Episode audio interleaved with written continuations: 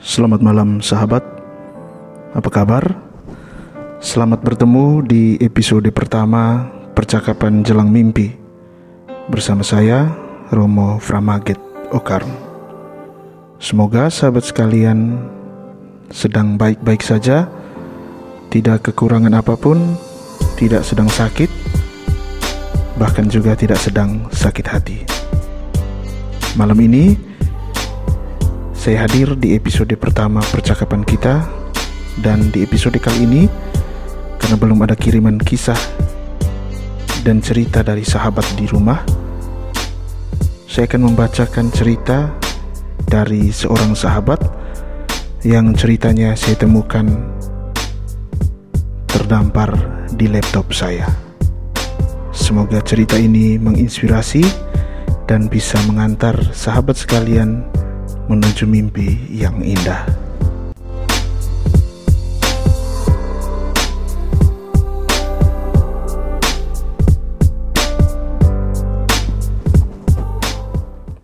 Cerita ini berasal dari seorang sahabat yang menulis namanya adalah V. Ada rindu tentang setia. Adalah seorang perempuan yang menikah dengan lelaki pilihannya di tahun 1993. Ketika menikah, dia dan suaminya sudah dikaruniai seorang putri kecil berusia satu minggu. Maka usia putri mereka itu sama dengan usia pernikahan mereka. Mereka tinggal di salah satu sudut kota Maumere sebagai sebuah keluarga kecil yang menggantungkan hidupnya dari usaha suaminya yang adalah seorang nelayan dan penjual ikan. V hanya seorang ibu rumah tangga yang sesekali melayani permintaan orang yang membutuhkan tukang masak di pesta-pesta. Usia yang semakin beranjak membuat V juga memikirkan pendidikan anaknya yang saat ini tertunda karena kondisinya yang tidak mendukung dia untuk segera melanjutkan pendidikannya itu. Waktu berlalu membuat cinta antara V dan suami barangkali menjadi sesuatu yang membosankan. V memang tidak merasa ada yang berubah di antara dia dan suaminya tetapi dia terkejut ketika mendengar kabar dari seorang kenalan yang menyampaikan bahwa suaminya ternyata sering kelihatan bersama dengan perempuan lain di luar rumah.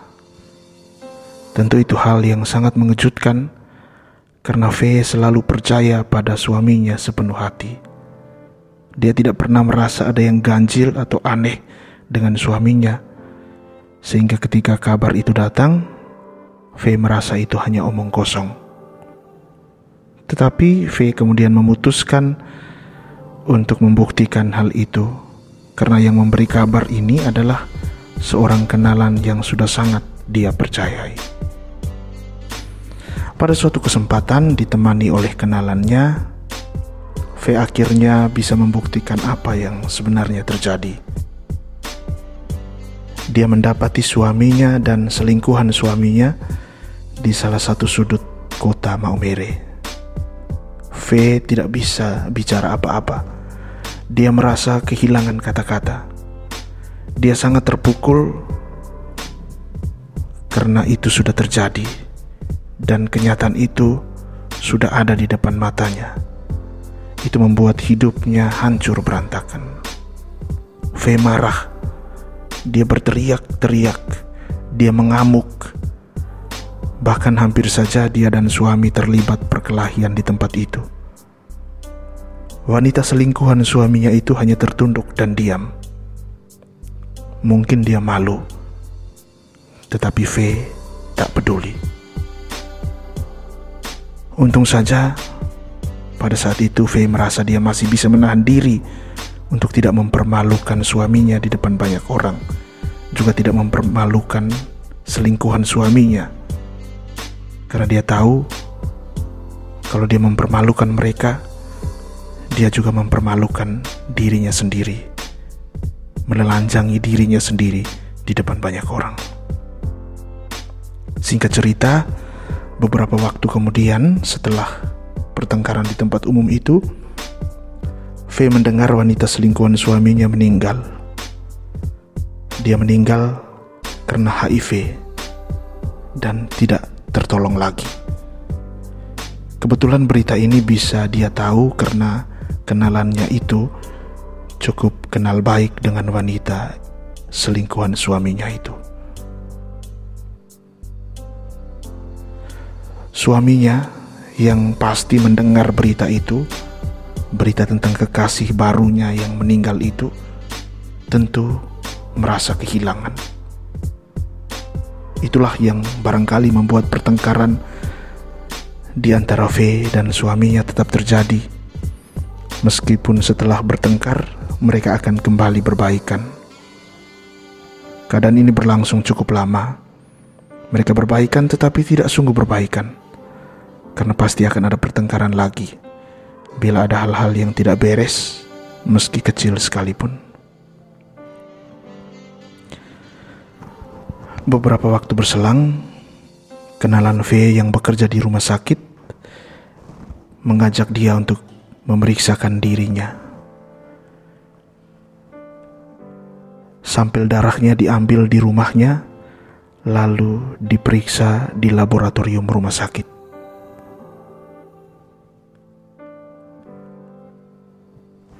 Pada saat itu, V memang merasakan ada sesuatu yang berbeda dengan dirinya.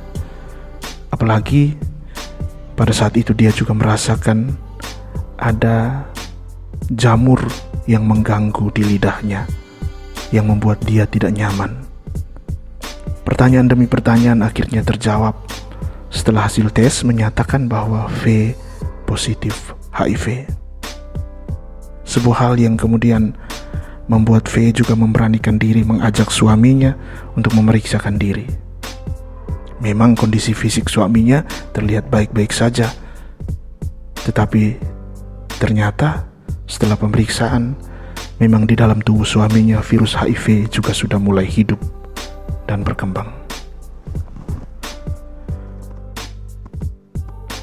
V kemudian menjalani terapi pengobatan setelah mengikuti sebuah pertemuan yang digelar di salah satu hotel di kota Maumere. Dia bersyukur karena pada kesempatan itu bisa dipertemukan dengan beberapa orang lain yang juga mengalami hal yang sama. Dia akhirnya merasa bahwa dia tidak sendirian dalam penderitaan itu. Kondisi fisiknya semakin menurun, berat badannya berbeda jauh dengan waktu-waktu sebelumnya. Dan ini membuat putrinya pun memutuskan untuk sementara tidak melanjutkan kuliah. Dia tidak ingin berada jauh dari ibunya, yang mengalami kondisi yang tidak baik ini.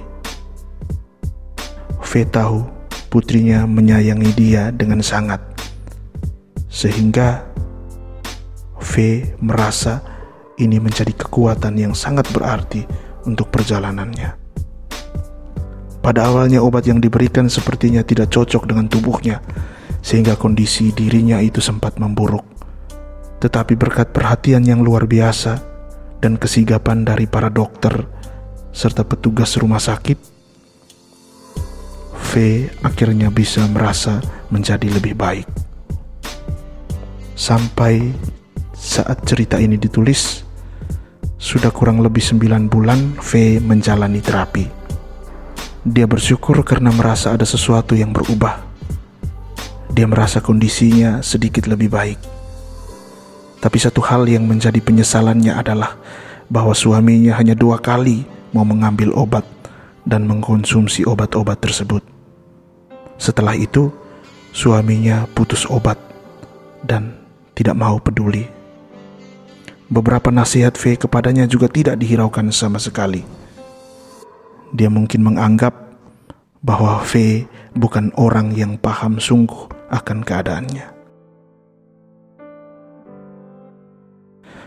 V tetap menjalani hidup sambil berharap suatu waktu suaminya mau sadar dan kembali mendengarkan apa yang dikatakan. Saat ini, V memang tidak lagi bisa melakukan pekerjaan memasak seperti dulu. Dia hanya diam di rumah, menenun sarung, kemudian menjualnya. Pendapatannya yang dia peroleh memang tidak seberapa, tetapi dia mesti berjuang untuk bertahan dan melewati semuanya. Dia sempat ingin berjualan kue buatannya sendiri, tetapi dia sendiri tidak yakin apakah orang akan membeli kue dari seorang perempuan kurus menyedihkan seperti dirinya.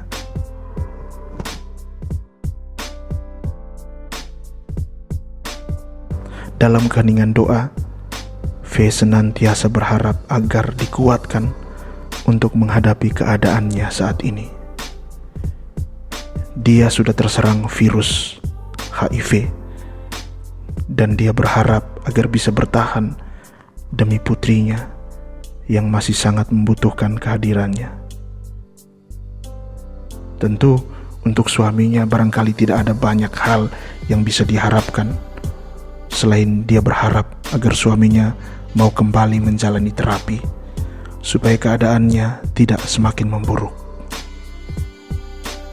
Akhirnya, dalam penderitaan yang dia alami saat ini, dia hanya punya satu pesan sederhana dan para sahabat, saya kutipkan pesan V untuk semuanya. Dia bilang begini, para istri dan anak-anak senantiasa rindu pada kesetiaan kalian, para suami. Terlalu banyak wanita dan anak-anak yang sudah menjadi korban karena ketidaksetiaan kalian ketika berada di luar rumah. Ada rindu tentang setia, ada rindu yang tidak terucapkan. Setidaknya supaya tidak semakin banyak V yang harus menderita seperti saya.